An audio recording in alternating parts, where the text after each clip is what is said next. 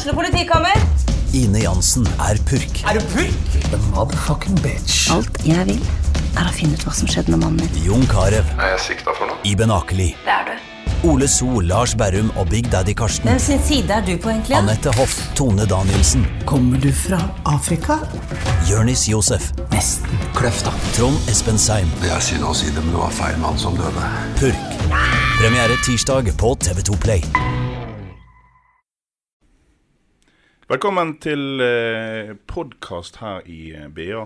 Vanligvis så snakker jo vi om eh, fotball. Det skal vi ikke gjøre i dag. Eller det er mulig vi kommer inn på det. Men eh, i forrige uke så hadde jeg meg en prat først med Gisle Erlingsen og senere med Roger Gjelsvik om hva skal til for å bli god i friidrett, spesielt her i byen.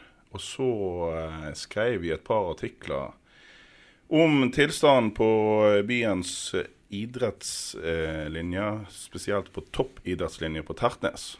Der du, Gisle, mener at eh, av og til så kan utøvere føle seg eh, overkjørt av at eh, de får ikke følge sitt opplegg som de har med den vanlige treneren på skolen, og ergo kan det bli mye overtrening. Ja, ting kan, ting kan gå litt galt hvis det blir for mye trening i ung alder. Er det noe du har opplevd i særlig grad? Du har en lang erfaring som trener sjøl. Ja, det har vi nok opplevd. Og vi har nok opplevd uh, mye rart med skolene, ikke bare på så vidt med Tertnes. Uh, nå vil jeg først si at det er jo egentlig en privilegium at man har de mulighetene som man har i, i Norge med å kunne gå på, på videregående skole og satse i idrett. Uh, friidrett spesielt har nok hatt uh, kanskje utfordringer både der og andre plasser. Um, men inntrykket mitt er at eh, det har bedret seg drastisk. Eh, jeg vet ikke hvor mange år de har holdt på der ute, men det er iallfall et mye bedre opplegg i dag enn det har vært tidligere. Eh, nå er det sånn også med friidrett at det er mye rare og spesielle folk som vil ha det på sin måte. Og kommunikasjonen kunne nok sikkert vært bedre både der og andre plasser. Ja, rare folk, det kan jeg skrive under på. Jeg har jobba som journalist i denne byen i ja, det, jeg tror vi snakker 20 år, altså. Sportsjournalist. Og eh, de rareste folkene de finner du innen skyting og i friidrett. Skyting de har ikke mobiltelefon engang, så la oss holde dem utafor. Men i friidrett så er det mange sterke meninger, sære meninger. Og det, det er jo du, en, du er tilhenger av da, Roger. At uh, folk skal si det du mener. Men du var ikke helt enig når Roger sa at uh, Nei, unnskyld, når Gisle sa forrige uke til BA at eh, vi føler oss av og til litt overkjørt av skolen sitt opplegg. Men hvem er det egentlig som skal bestemme? Skolen eller klubben? Eller den personlige treneren? Eh, først vil jeg si om de, de er rarere folk i friidrett enn andre med idrettsmiljøet, det, det er litt tvilete. Jeg tror det er alt der som det er alle andre steder. Men eh, nei, hvem som bestemmer Jeg er for så vidt ikke så veldig opptatt av hvem som bestemmer her. For det, det vi aldri må glemme, er jo hvem som skal være i fokus, og det er utøveren. Eh, og da kan det være at eh, mange, og da kan jeg godt si noe spesielt, og klubbtrenere og personlige trenere som kanskje har et veldig spesielt forhold til utøveren, kanskje fulgt de over lang tid, eh, fått resultater med de i ung alder, for de er unge når de kommer inn på skolen, de er 15-16 år gamle. Eh, og da er det klart at det er ikke alltid like lett å hverken akseptere eller se at det kan være fornuftig å ende på noen av de rutinene man har innarbeidet over tid for å komme videre. Eh, Og jeg tror egentlig mye av problemene starter der, at man har en mening om at det som har vært, det er det som vil være best. Og så istedenfor å prøve å slippe opp og ja, spille korsokken opp igjen på nytt, eh, og se på kan vi gjøre dette enda bedre, så blir det heller en sånn der, eh, kamp om å tviholde på noe som har vært. Og det har ikke jeg tro på. Det er så enkelt. Nei, eh, vi hadde en god prat her forrige uke, og jeg lagt en sak. eh, Og da brukte du flere ganger ordet prestisje, altså du, Roger, i forhold til at folk får et eierskap til, til utøveren. og da blir det selvfølgelig problematisk når utøveren som du sier blir 15, kommer inn på en skole der du har en trener som har utdanning og mener at han eller hun kan noe òg og skal tilføre noe. Og så har du plutselig to stykker som drar den utøveren. Det er korrekt, og det er, jeg er helt enig med Roger. Det er en uting. Det er noe vi må vekk ifra. Uh, Ja, Men hvordan er det mulig, da? Altså, alle, alle som har lyst til å lykkes med noe, sjøl noe så eh, skulle jeg si, levende som et eh, levende menneske, så er det, så, det er klart du får et eierforhold til det. Jo, men det blir altså Et, et, et, et, eierforhold starter en plass, og eh, det er ledelse. Eh, trenerne leder ikke, de trener. Jeg tror det er veldig viktig at de som har ansvaret i forkant her, at de passer på at det ikke blir sånn. For det er ikke noe særlig bra. Eh, når det er sagt, så, så vil jeg jo si at fokuset har forandret seg de siste årene i talentsegmentet. Og, og, det er bra. Det at vi måler ikke talentarbeidet vårt med resultatene i gutt- og jenteklassene. De skal måles i seniorklassen. Det er bra, og det tror jeg faktisk at det er en gjensidig forståelse, forståelse for. Ja, men, ja, altså, Roger, du er jo inne når BA kårer eh, talentliste og sier rundt juletider. Og jeg syns ganske tydelig at vi har snakket om at eh, det er vel ikke alle idretter en har klart å komme vekk fra fokuset på å ta NM-medaljer. Du er jo veldig opptatt av VM- og EM-medaljer. Hvordan er idrettsbyen Bergen? Klarer vi å se langt nok? Du vil jo ha mye trening for å se litt langt, og ikke si deg fornøyd med eh, NM-medaljer til de som går på toppidrettslinja. Ja, altså, om vi er bergensere og østlendinger, så er vi alle nordmenn. Og liksom, Hvem som vinner NM, blir jo sånn sett ganske uinteressant, for det er jo som regel alltid norske. Så hvis vi liksom skal tørre å ha litt, eh, litt visjoner og tanker for det som vi driver med i idretten i Bergen, så må vi tørre å se litt lenger enn det å bli norsk mester. Det er, ja, I fleste idretter så er det veldig oppnåelig. Eh, og jeg tenker det at vi, skal, vi må tørre litt mer enn det. Og hvis vi skal tørre litt mer så må vi ligge til rette for det. Uh, og, jeg, og, Veldig mange snakker om at det er vanskelig og det er krevende. og Stort sett handler det om trening. Og når vi snakker om trening, det handler både om kvalitet og kvantitet som er godt nok til at vi kan konkurrere med de som, de som vi skal konkurrere med, og de er ikke, de er ikke norsk pass.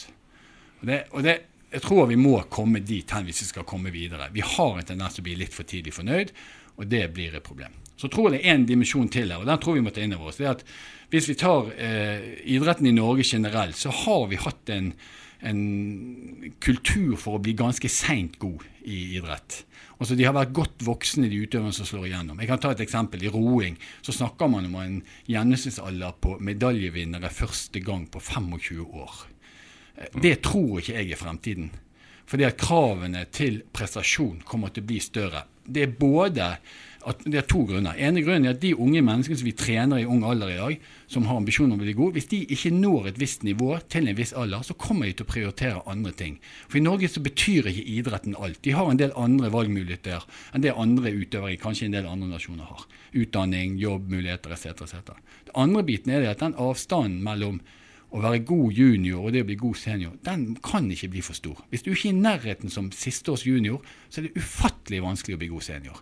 Så du kan, du kan, ikke komme med det der hoppet som eh, liksom altså, tar det store steget rundt du er 20. Du må bygge en base tidligere? Jeg tror at hvis vi skal få utøvere opp på internasjonalt nivå i idrettene vi snakker om her, så må de faktisk prestere jevnt med de beste på juniornivå de siste årene på juniornivå. Jeg tror ikke vi klarer å ta det igjen, sånn som vi kanskje gjorde i større grad før. Jeg sier ikke at det ikke går an, men jeg tror regelen vil være at skal du bli god som senior, så må du òg prestere som, som de siste årene som junior. Og det vil kreve at vi gjør en bedre jobb med dem fra de yngre alder for å kunne, for å kunne være på det nivået som er nødvendig for å ta det siste steget. Du Gisle, du eh, har jo en eh, bakgrunn som eh, ja, selvfølgelig aktiv landslagshopper i høyde, men òg en lang trenerkarriere. Og du har jo hatt noen elever som ble skikkelig gode. Ketil Hanstveit og Sigurd Jerve. Og, og, så har du trent eh, mange, eh, som òg ikke mange, men altså jeg husker en god generasjon av jenter der minst halvparten forsvant ut med skade. Eh, hva er farene eh, når en er i slutten av tenårene der med folk, er, folk vokser, de skal trene mye, men de skal ikke trene for mye. Og da er vi inne på dette her. Hvor mye kan de trene på skolen når de i tillegg trener på ettermiddagstid? Altså, jeg er enig med Roger. Vi må trene ganske mye.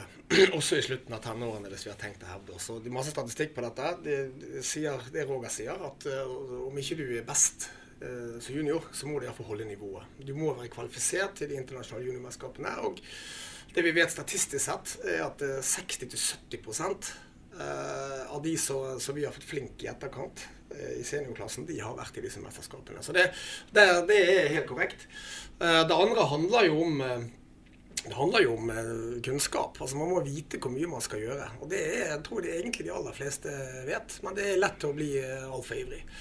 Eh, jeg tror at i 2016 så må vi begynne tidligere. Mye av den uorganiserte aktiviteten i 10-12-årsalderen, og gjerne før det også, den er helt vekk. Det krever en mye mer systematisk trening mye tidligere. En rød tråd gjennom ungdomstiden. Ja, for alle idretter. Jeg, jeg snakker Ja, med en del idrettsforeldre som syns det blir for mye organisert nå. At vi, vi mister leken. Ergo får ikke vi kreative, gode fotballspillere. De er gode fram til de er 15, og så er ikke de gode lenger. For de har bare stått og tatt innsidepasning og øvelser med, med trenere. Altså, det er vel ikke, altså, ikke- Eller snakker du om friidrett nå? Nei, Jeg, snakker generelt, altså, jeg, tror, jeg tror ikke det er noe stor forskjell på friidrett og andre idretter. Stort sett, Jeg tror heller heller skal se på hva som er likt, og det er kanskje 70-80 Uh, Men at vi må begynne tidligere uh, og bygge en base og bygge på en måte karrieren, det er jeg ganske overbevist om at uh, man må. Det behøver ikke nødvendigvis, være noe ensidige eh, greier. Det kan greit være at man faktisk eh, leker også på trening. Eh, Men den, den er vekk. Altså De fem gangene i uken når man eh, spilte fotball i gaten og på Ja, vekk. de er vekke. Eh, Da var det to organiserte treninger igjen, og der sovnet norsk fotball. De puttet ikke på de tingene der når de skulle gjøre det. Og de trente jo to ganger i uken til langt opp i tenårene. Um, Ja, men Når den leken er vekke, betyr det at vi må organisere mer? Vi må bare innse Ja, at det må, være organisert? Altså, det er jo, det er, altså, idrett er mye tall. og det eh, Trener du to ganger i uken, eh, så, så, så, så vil ikke du få de resultatene som du gjør hvis du trente fem. Så det er hva du trener. Eh, Det må jo trenes med rett mengde, med rett intensitet til rett tid. Det er jo det som er kunnskap. Mm. Men det, det krever en del kunnskap. altså Jeg vet ikke hvor gode de ungdomstrenerne er. Men altså jeg snakket jo sjøl med ei eh, som var kjempegod for noen år siden, og som eh, har jobba med mye skader. Vilde Svortevik gikk på toppidrettslinja på Tertnes. Og som hun sier sjøl, det kan godt hende at jeg hadde blitt skada sjøl. Jeg er muligens bare disponert for det. Men eh, sånn sett i ettertid så ble jeg bare litt for ivrig. Og det er viktig at trenerne klarer å holde deg igjen. Eh, Er det en treners oppgave, eller må foreldrene inn og se på hvor mye altså For at En trener kan ikke følge en, eh, en ungdom rundt hele døgnet. Jeg tror, jeg tror vi må skille litt mellom hva vi snakker om nå. Fordi at, eh, hvis vi ser sånn statistisk på dette med fysisk aktivitet og barn, så er det noen klare tendenser på det. Eh, det at barn, altså små barn opp til ja, barneskolealder, er mindre aktive i dag enn før, det er ikke korrekt. altså. Altså, vi vet i dag at barn opp til og med hva blir det, syvende klasse er minst like aktive i dag som de var både for 20 og 30 år siden. Så det aktivitetsnivået har ikke gått ned. Den store bremsen for fysisk aktivitet i, i, i, i Norge i dag, den heter ungdomsskolen. Da stopper både leken og aktiviteten.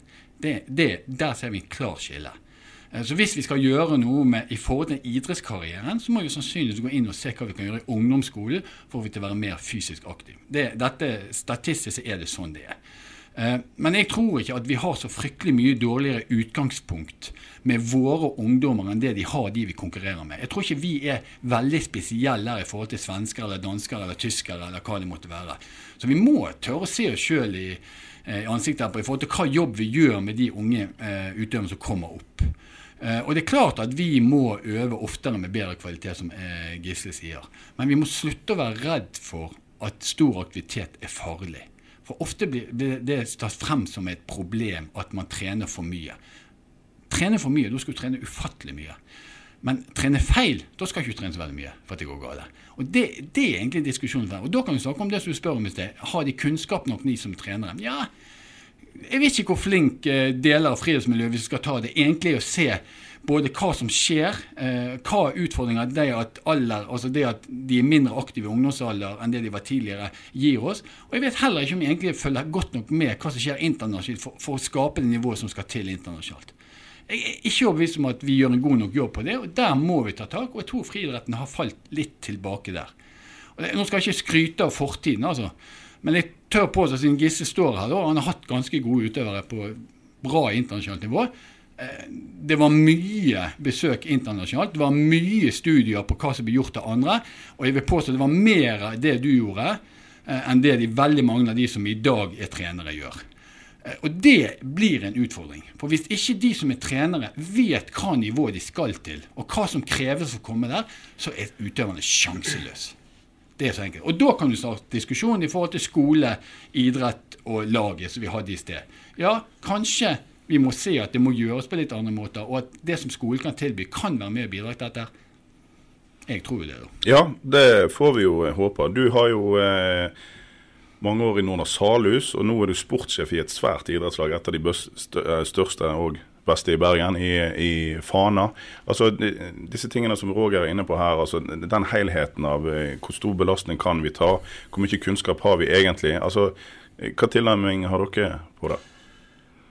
Jeg tror meg og Roger har ganske lik filosofi på de tingene der. og Jeg kan faktisk si meg enig med han at jeg tror heller ikke at kunnskapsnivået er stort nok.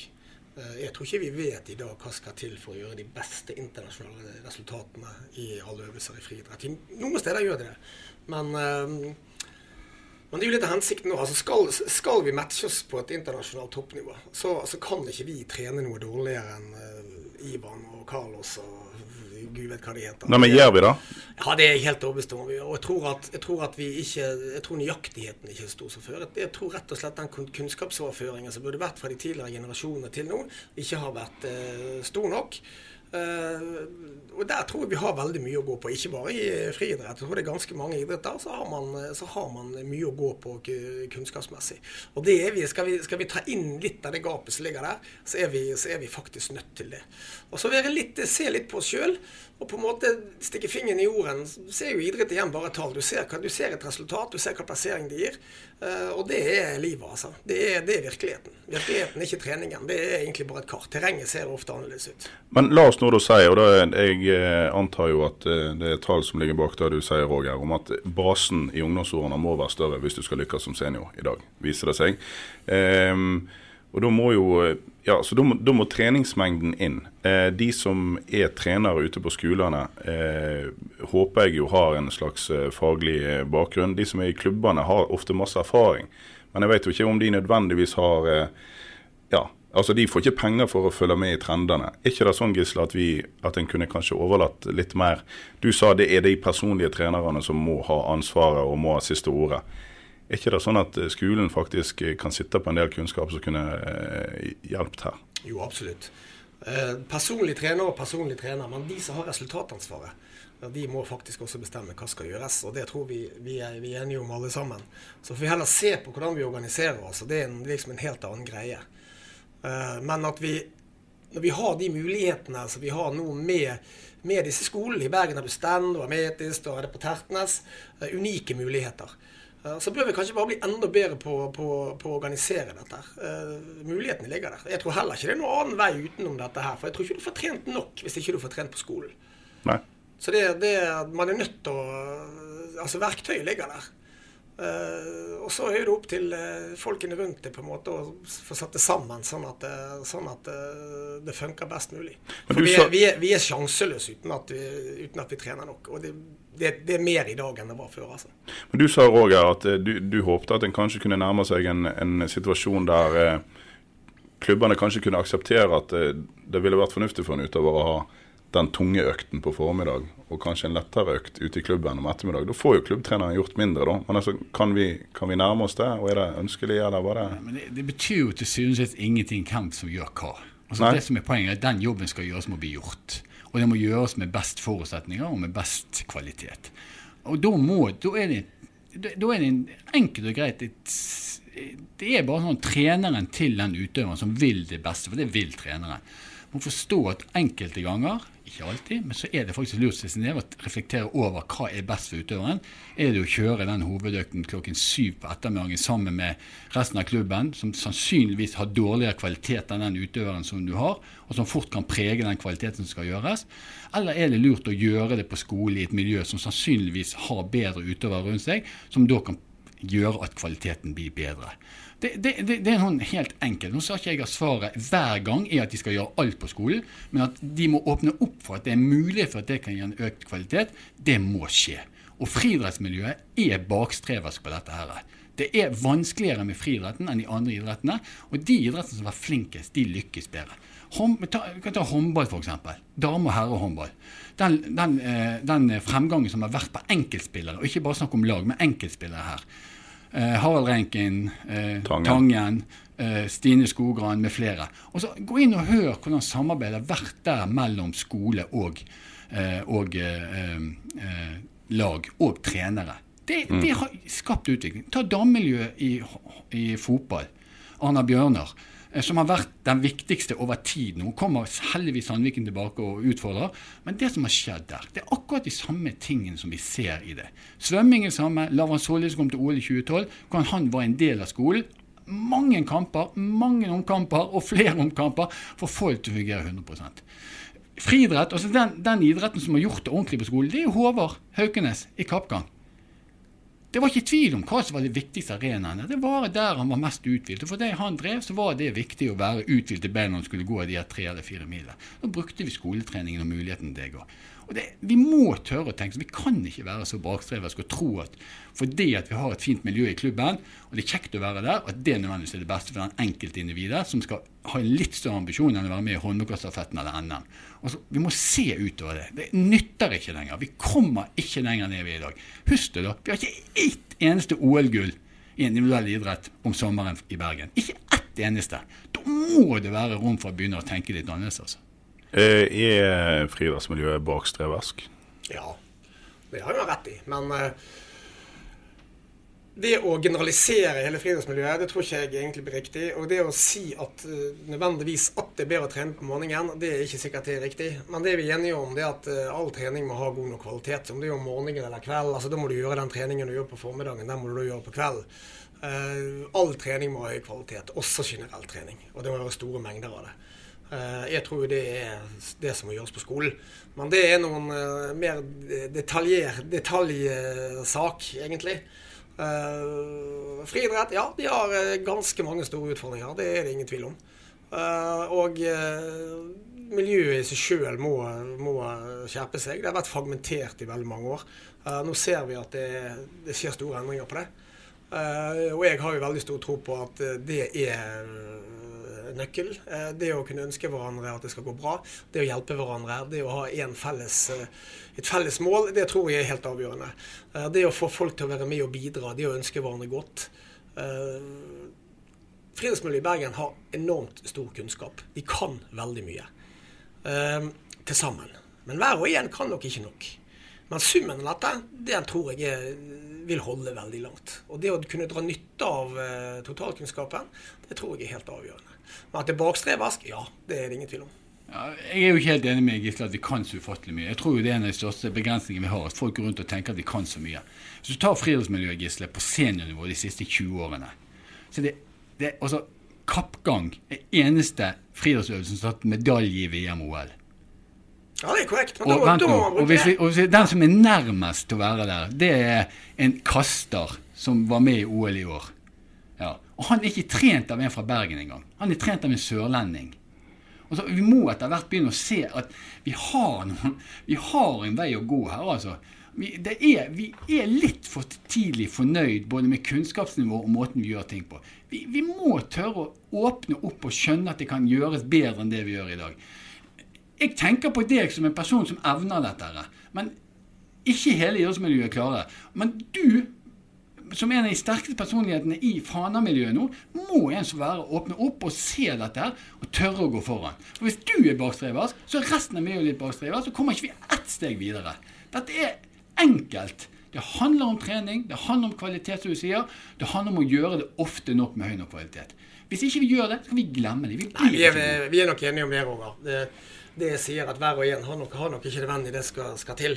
Men jeg er helt overbevist om at summen av det alle kan, den er veldig mye større. Og vi drar kanskje bare ut 10-20 av det, og det er ikke bra. Eh, Det ingen tvil om at mye må hentes ute. Eh, Men jeg, jeg har tro på friidrettsmiljøet i Bergen. Jeg tror at hvis man enes om at vi skal få dette til, og alle ønsker det, så er jeg helt overbevist om at det går. Eh, I Fana idrettslag så, vi, så vi, søker vi kunnskap hele tiden. Eh, Vi forsøker hele tiden å ha det beste laget av det vi faktisk har disponibelt. Eh, Det gjelder for så vidt i alle idretter. Og det er ikke alle steder du får det til. Altså I langrenn så hadde vi stafettlag i helgen som ble nummer 89 i NM. Det er klart det er jo ikke veldig bra. Vi forsøker jo å forbedre det. Jeg har jo dessverre måttet skrive om eh, x antall eh, unge friidrettsdamer som i hvert fall på nasjonalt og til en viss grad internasjonalt nivå har flytta til Oslo de siste par årene. For det fins ikke gode nok treningsmiljø for de i Bergen. Ser vi noe der som, eh, altså på tvers av klubbene, at de kan lage treningsmiljø som Jeg vet at Norne har hatt eh, noe, jeg vet at dere tenker i de baner. Eh, ser vi bedring, eller skal vi da neste år tilbake igjen til å sitte på en haug som heter enten Gular eller Norna og Fana, og så skule på hverandre? Nei, det har jeg ingen tro på. Eh, Fana har et godt samarbeid med Halhus på, på, på jentesiden, der vi har puttet på de flinkeste trenerne vi har. Eh, Men om det er godt nok, det vet vi ikke. Og det er jeg helt enig med Roger. Vi er nødt til å få tak i den kunnskapen. For det skjer jo noe underveis her som ikke, som ikke er bra, spesielt på jentesiden. Og det må man sitte seg ned og se, stikke fingeren i jorden og se på hvorfor det skjer. Og det er ikke godt nok at det forsvinner så veldig mange. Det å kunne ha flere i posisjon til å ta steg inn i toppidretten i slutten av tenårene og utover i 20-årene, det er jo et klart mål. Jeg tror vi må ha ganske mange flere. Det er altfor mange som forsvinner, eh, forsvinner, på veien. Uh, Roger er tøff. Uh, det skal han være. Han lever av det. Uh, og han har sannsynligvis også helt rett. Og så er det hvordan skal man klare dette? Man kan godt si at man må slå seg sammen og vi må på en måte eh, samarbeide bedre. Og ja, det må man. Og så må eh, må man uh, forsøke å finne arenaer der det faktisk er mulig å få det til. Jeg tror at det er noe på gang. Jeg vet ikke, men jeg tror det er noe på gang. Jeg tror det er slutt på den tiden da, da, da Guler og Norna og gud vet hvem visste best sjøl. Det er en stor enighet om at samarbeid, det, det, det, må til. Det å kunne stole på hverandre. Uh, det å forstå at man ønsker hverandre godt. Men du skal ha rett i det, Roger. Det er ikke sikkert det holder noe særlig lenger, det heller. Men det holder iallfall lenger enn det som er nå. Og så får vi hente inn den kunnskapen som faktisk, uh, faktisk er nødvendig. Og da er det en jobb å gjøre. Den kommer ikke dettende ned til deg. Du kan ikke lese om det på internett. Du må ut, du må rundt og finne den Og være der en stund, faktisk. Ellers tror jeg du ikke får med deg noen ting som helst. For det er annerledes. Vi har også sendt folk vekk fra Bergen. Jeg hadde Isabel i sin tid. Uh, det er klart, hun, hun, hun, kunne ikke være her med en, med en, med en hopptrener hos Lundby Gole på hekk. Så da må de sendes vekk. Sånn er det bare. Ja, For meg er det helt, eh, helt uforståelig at det skal være et problem om folk flytter fra Bergen for å bli gode. Altså. Det er jo helt uproblematisk. Altså, Kristoffer Brun tok medalje i OL i fjor. Han hadde jo aldri gjort det hvis han ble boende i Bergen. Kristoffer Brun er avhengig av å ha folk rundt seg som er på samme nivå, som trener på samme nivå som han gjør, og som har en internasjonal tankegang. Det miljøet i roing det finnes rundt landslaget, og det er på Årungen. Da må han være der. Og Det må jo være mye kjekkere at vi har en bergenser som bor i Oslo som tar medalje, enn at vi har en bergenser som bor i Bergen som blir kretsmester. Altså, vi, må jo, vi, må jo, vi må jo åpne opp dette nå. Altså, vi må gjøre det som er nødvendig. Hvis de skal få en fair sjanse til å bli gode, så må vi tørre å tenke sånn. Isabel Pedersen flyttet til Oslo. Ja, takk Gud for at hun gjorde det. For det var viktig for hun der og da, og det var sannsynligvis det eneste rette hun kunne gjøre. Og sånn, vi, må ikke være, vi må ikke stenge igjen og si at det er best i Bergen og det er ditt og datt, best i Fana, best i Viking. Vi må se hva er best for utøverne, og så må vi gjøre det. Og det begynner tidlig. Og så må det være. Og Hvis vi klarer det, så har vi et helt annet mulighet til å kunne påvirke det vi må med den kvaliteten som trengs. En sånn liten digresjon på dette med trening. Vi vet noe om det når vi ser på idretten nå. Uh, vi har mange idretter som er gode. Og det er egentlig to sånne bauger i forhold til, og det er litt paradoks. På en del individuelle idretter, f.eks. friidrett, en del øvelser i friidrett, så er det sånn at når de kommer inn på gymnaset, så trener de mindre enn det de kan. Så blir de bedre igjen når de er ferdig på gymnaset. For de som skal bli ordentlig gode. De forstår det. Hvis vi tar lagidrettene, så er det ofte motsatt. De får et enorm eh, økning i mengde og kvalitet på det som skjer når de kommer inn på skolen. Men der stopper det andre veien når de er ferdig med videregående. De kommer inn i A-lagsmiljøer hvor både kampaktivitet og treningsaktivitet går betydelig ned. Som blir en begrensning i forhold til nivået de kan nå. Disse tingene kan ikke vi bare slå oss til ro med. Vi må gjøre noe med dem for å komme videre. Og gjør vi det altså, Vi er oppvokst i et tøft miljø med mye regn og vann og motvind. Vi har alle forutsetninger for å bli gode. Men vi klarer ikke å evne å gjøre de rette tingene i alle øvelser. Det må vi begynne med.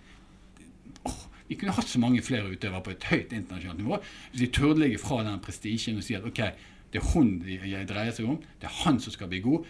Jeg ser hvor mye jeg kan bidra med, så får jeg bidra med den biten. Og så får vi hente inn de andre tingene, og så gjør vi det at det blir best. Det, det, det, det der er helt korrekt. Jeg er litt uenig med deg i dette med hvor folk skal bo. Eh, skal vi klare å heve kvaliteten, heve kunnskapen og lære noen ting som helst, så er vi faktisk nødt til å bo inne i lokomotiver i Bergen nå. Da kan ikke alle flytte.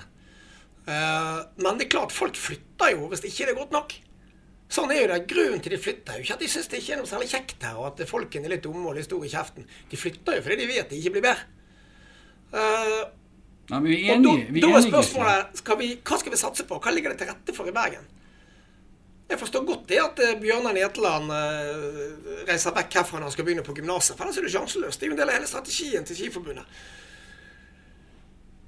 Han kan ikke bli god å kjøre Nei, det er vanskelig å bli Han har en dag som ser litt annerledes ut. Og Derfor ja. flytter alle. Når folk er 15 år, så flytter de vekk og går på skolen fordi at det er bedre, bedre forhold andre steder. Uh, men de som ikke trenger å flytte, I kappgang trenger de ikke flytte, Roger. Nei, de flytter ikke Sant? De skal ikke flytte. Og i mange andre øvelser og mange andre øvelser så trenger de faktisk ikke flytte. Så det å bygge opp gode fagmiljøer i Bergen i forskjellige idretter, det, det tror jeg er lurt. Ja, vi, er, vi er enige, Ja. Men poenget mitt er at det må ikke beskrives som en nederlag hvis en utøver må flytte for å komme videre. Det må det ikke. Og vi har en tendens til å si at åh, han måtte flytte, vi hadde ikke godt nok tilbud.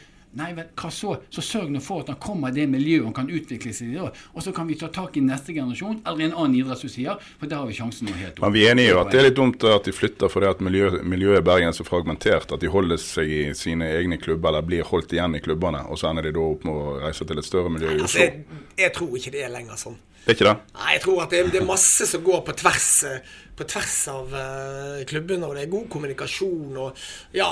Så jeg tror Mellom enkelte miljøer. Jeg tror liksom ikke det Jeg tror rett og slett man ikke vet uh, man, Altså, man vet ikke hva skal til. For det viser seg at spesielt på, på ungdomssiden så kommer ikke folk opp i de treningsmengdene som man faktisk må ha. Så der er jeg enig med Roger at de, altså det er ikke snakk om at folk trener for mye. Folk trener jo for de tåler ikke å trene. Du kommer kanskje til 50-60 så, så er det god natt. Og det er jo det som er utfordringen. Vi vet hva de gjør på Cuba når du er 17 år gammel.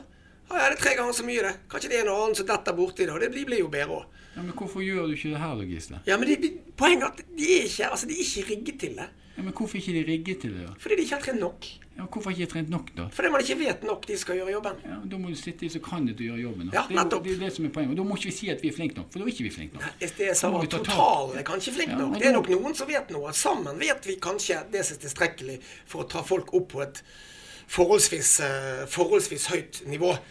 Men at ikke vi er gode nok til akkurat det Idretten generelt sett i Bergen burde jo vært veldig mye bedre. Og det er han ikke. Og det er jo en grunn til det. Vi har et talentsegment som er ganske unikt. Eh, Og det klarer ikke vi å omsette godt nok. ikke det Olympiatoppen òg? Burde ikke de eh, hatt et slags ansvar for å omsette eh, og utdanne og lære folk, hvis vi ikke vet nok om hvordan vi skal ta de stegene, da? Jo, jo, helt klart. Og jeg synes jo for så vidt at nå er ikke jeg Olympiatoppen Vest lenger, nå jobber jeg sentralt. Men jeg syns den jobben Olympiatoppen Vest gjør i forhold til å lage kurs og samleplass, eller plasser som samler trenerne og diskuterer, har, er veldig bra. Jeg syns de gjør en enormt god jobb der. Og det, men det kan bli enda mer av det, det er vi helt enige om. Eh, De bruker også mye tid på de, så de har jo direkte ansvar for de som er på Tertene som trener, og bruker mye tid på å kurse de og holde de oppdatert på de ting som skal gjøres. Jeg syns, det er en god utvikling på det, men det kan bli, bli enda bedre. Men det som er noe av dilemmaet, er at vi hele tiden snakker om hva andre gjør, og at vi ikke kan gjøre det. Det er bare tull. Klart vi kan gjøre det. Vi må bare tørre å begynne å starte. Skal vi se litt på håndball, da? Altså Du har dratt det fram som en solskinnshistorie, for det var både klubbene og regionen og eh, altså alle gode krefter trakk eh, sammen, og det mener du har gitt resultat? Ja, altså, når vi, det kan Du spurte hvor lenge Tertnes hadde vært. Det har vært i ti år. Eh, Så jeg, var vel det var vel grunnen til at det startet der ute. Og, det, eh, og en av de kampene vi hadde der ute, det var jo i forhold til treningsmengder. Eh, Men i håndball sluttet den diskusjonen ganske fort. Den gangen var jo det Feltnes eh, som var trener på For klubbene holdt imot, og du ville ha de til å trene mer? de- Eller dere ville ja, trene de mente vel regelrett at det å trene så mye ville være det samme som at utøverne ble skadet, og de kunne ikke bli gode av det. Eh, og det, det var jo en utfordring vi måtte ta. så når det ble sagt til meg, så måtte, kunne ikke jeg si at du tuller eller du tar feil. Men jeg kunne utfordre tilbake og si ja vel, men hvis jeg sier at du må trene så mye, hva skal du trene da for å tåle det? Og så ble det en prosess rundt hva gjør vi for å kunne tåle den belastningen som er nødvendig for å bli god. Så vi kom veldig fort videre fra det at vi ikke kunne trene så mye, til at hva skal vi trene i den tiden vi har disponibel. Og det arbeidet som er gjort der ute, det satt på mange måter standard for mye av det arbeidet som er gjort der. Det som vi var heldige med der, det er at håndball har en ganske sterk region nå. Og de kobler seg veldig bort på. Så det som har skjedd der, er jo at skoletreningen pluss klubbtreningen der fikk vi en enda en dimensjon på toppen, hvor regionen gikk inn og tok et ansvar for enkeltindividene som var nærmest landslaget. F.eks. Eivind Tangen og Harald Renkin og Stine Skogran, og som tre lysende eksempler. Hvor de har vært fulgt opp i tillegg og hatt to økter i uken på toppen av det både skolen og klubben har hatt av trening, for å følge de opp individuelt. Både med fysisk trening, men òg teknisk og taktisk trening. Det er klart at Da begynner eh, totalen blir rimelig stor. Men det gir resultater. Men det var jo en enormt viktig jobb å styre den intensiteten og volumet der, sånn at det ikke ble for mye. Vi klarte det der, og vi har klart det i noen andre idretter òg. Og det er sånn vi må jobbe. Er det for mange altså Dette er jo en, eh, en fin historie, men det er òg en historie fra idretter der du har et tydelig lokomotiv på herresida i fyllingen, et tydelig lokomotiv på damesida, og ikke så fryktelig mange trenere sånn sett å forholde seg til. Er det for mange kokker og for mye søl? Altså friidrett er en haug med øvelser. Er, er det det som gjør det vanskelig i friidrett? Nei, igjen, jeg tror ikke det er så veldig stor forskjell på alle disse idrettene som mange var. Jeg tror, de, jeg tror vi skal se etter det som på en måte er likt. Eh, håndball ja, det har vært veldig vellykket. Eh, De har veldig mange flinke, flinke håndballtrenere i Bergen. Ikke veldig mange, men de har, de har en del. Det, det er jo ikke vanskelig å se. Resultatene har vært rimelig gode. Eh, og mange av de flinkeste trenerne har, eh, har eh, vært brukt på å få fram, de, få fram de, de største talentene. Eh, og det tror jeg faktisk kommer til å fortsette. Jeg tror det, det, Håndballmiljøet de, de er gode. Det er ingen tvil om at, eh, at eh, det er ikke tilfeldig at, at Norge er verdens beste håndballnasjon for damer. Og på vei med herrene. Uh, ned i divisjonssystemet så trenes det faktisk godt og seriøst. Det ser jo vi med laget vårt, som også har stor, stor hjelp av, eh, av disse andre trenerne. Så jeg, jeg, eh, det er ikke noe overraskende at, eh, at, at håndball egentlig, egentlig lykkes. Selv om de var litt der, de òg, før dette. Ingen tvil om at håndballmiljøet på en måte sto litt imot hverandre både her og der. Eh, også litt, tar du opp det med Olympiatoppen Vest, som du nevnte i starten. der. Ingen tvil om at de jeg syns de har gjort en veldig god jobb i forhold til det å skape enkelte viktige treffpunkt. Det være Kunnskapsturneen, det være frokostmøter. eh, og det kan være et stikk til idrettsmiljøet generelt sett, at det tilbudet er ikke godt nok brukt. Og det er opp til enhver. Det er jo å møte opp. Det er ikke verre enn det. Og der er faktisk veldig mye å hente. Og jeg har jo tro på det. Skal du ha kompetanseoverføring, så er greit. Noe blir sagt i et foredrag. Men det å treffe andre, eh, det å skape nettverk, relasjoner til andre trenere, ledere osv., det er kanskje dette de eneste eh, stedene i, i, i- Bergen i alle fall som det er. Og sannsynligvis også de viktigste. Eh, Så der bør egentlig miljøet kanskje skjerpe seg eh, litt med faktisk å møte opp og bidra. For du, skal du få noe, så må du faktisk bidra.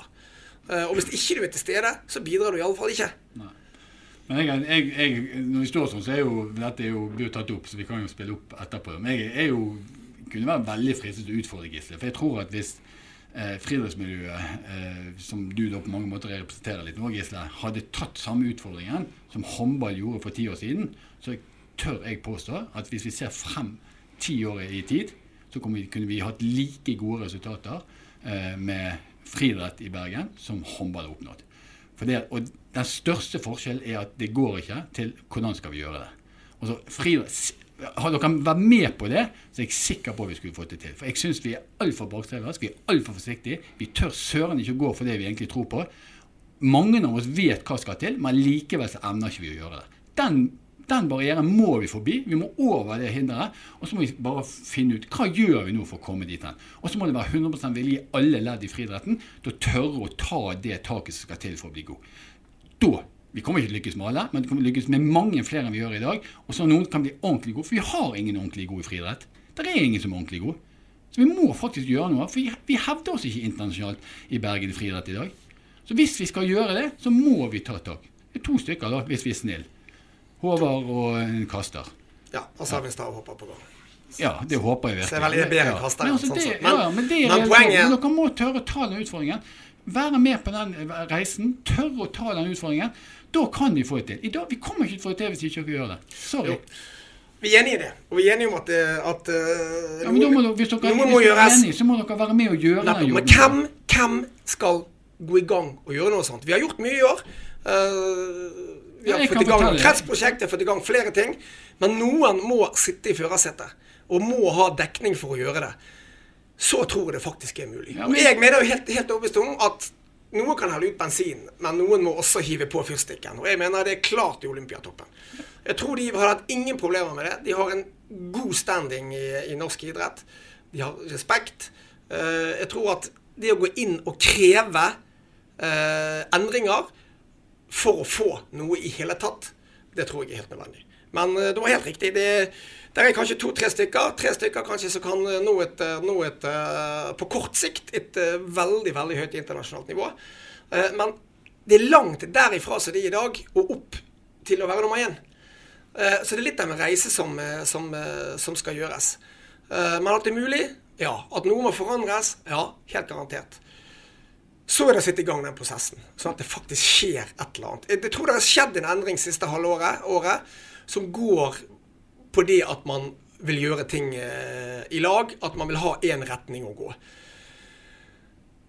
Men jobben må gjøres. Klart skal, det, skal man samle det, og skal man få, på en måte ha mandatet for virkelig å gå for de beste, eh, så må det forbedres i forhold til det, hvordan det er i dag. Kulestøtene, kulestøt, nei, diskoskasteren og stavhopperen de jobber sammen hver dag. de.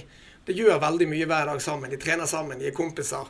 Så det er klart at de har forholdsvis får veldig mye ut av sitt sin trening i og med at de trener sammen. Nei, men Da tror jeg vi skal se det sånn. Vi skal følge med på Dolve og Skagestad. Ja, men, kaster og, og stavhopper og Håvard og hele greiene. Ja, men det, det, jeg er fortsatt ikke mest opptatt av de, for de kom så langt på den veien. Nei, men jeg, det, Mitt poeng var kanskje vi skal se om det kommer noen flere bak òg i løpet av et par år. Utfordringen burde egentlig vært til friidrett, de som nå skal inn på Tertnes til høsten. Sammen de trenerne og de miljøene som er der. La oss sitte oss ned og gjøre akkurat det samme vi gjorde for ti år siden. en del andre idretter. Ja. Jeg lover suksess. Men da må det være full åpenhet og vilje til å ligge til rette for at individet som skal bli god, er i sentrum. Og så gjør vi maksimalt for det. Og det, det er lettere det er lettere i friidrett enn det er i håndball. For da er det én utøver, én trener du skal egentlig forholde deg til, og så må de andre som er rundt, de må bakke skikkelig. Og det klarer vi hvis vi får til. Så enkelt er det. Men da tror jeg, gutter, at uh, vi sier det sånn Det er ingenting så enkelt her, vet du. vi sier det sånn, uh, Gisle Roger, at vi møtes igjen om to år. da, Så ser vi om vi har noe på gang i de yngre friidrettsklassene. Får vi håpe at noen napper på oppfordringen om å sette seg sammen og ja, samler kunnskapen og løfter det litt. Ja, Hvis de vil bli gode, så tror jeg det er lurt, ja. Ukens annonsør er HelloFresh. HelloFresh er verdens ledende matkasseleverandør og kan være redningen i en travel hverdag. Mange av oss har nok vandret i butikken både sultne og uten en plan for middagen, som ender med at vi går for de samme kjedelige rettene gang på gang.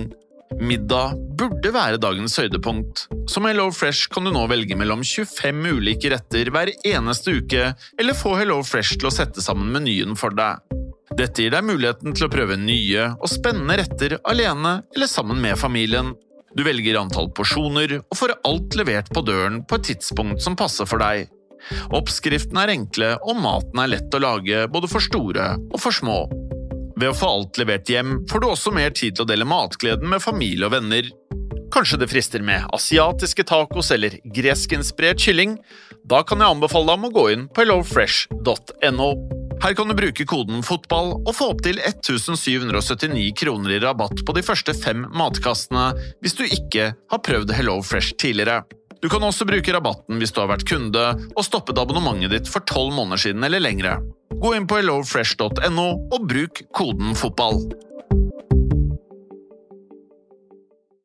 Har du et enkeltpersonforetak eller en liten bedrift? Da er du sikkert lei av å høre meg snakke om hvor enkelt det er med kvitteringer og bilag i fiken, så vi eh, gir oss her, vi. Fordi vi liker enkelt. Fiken superenkelt regnskap.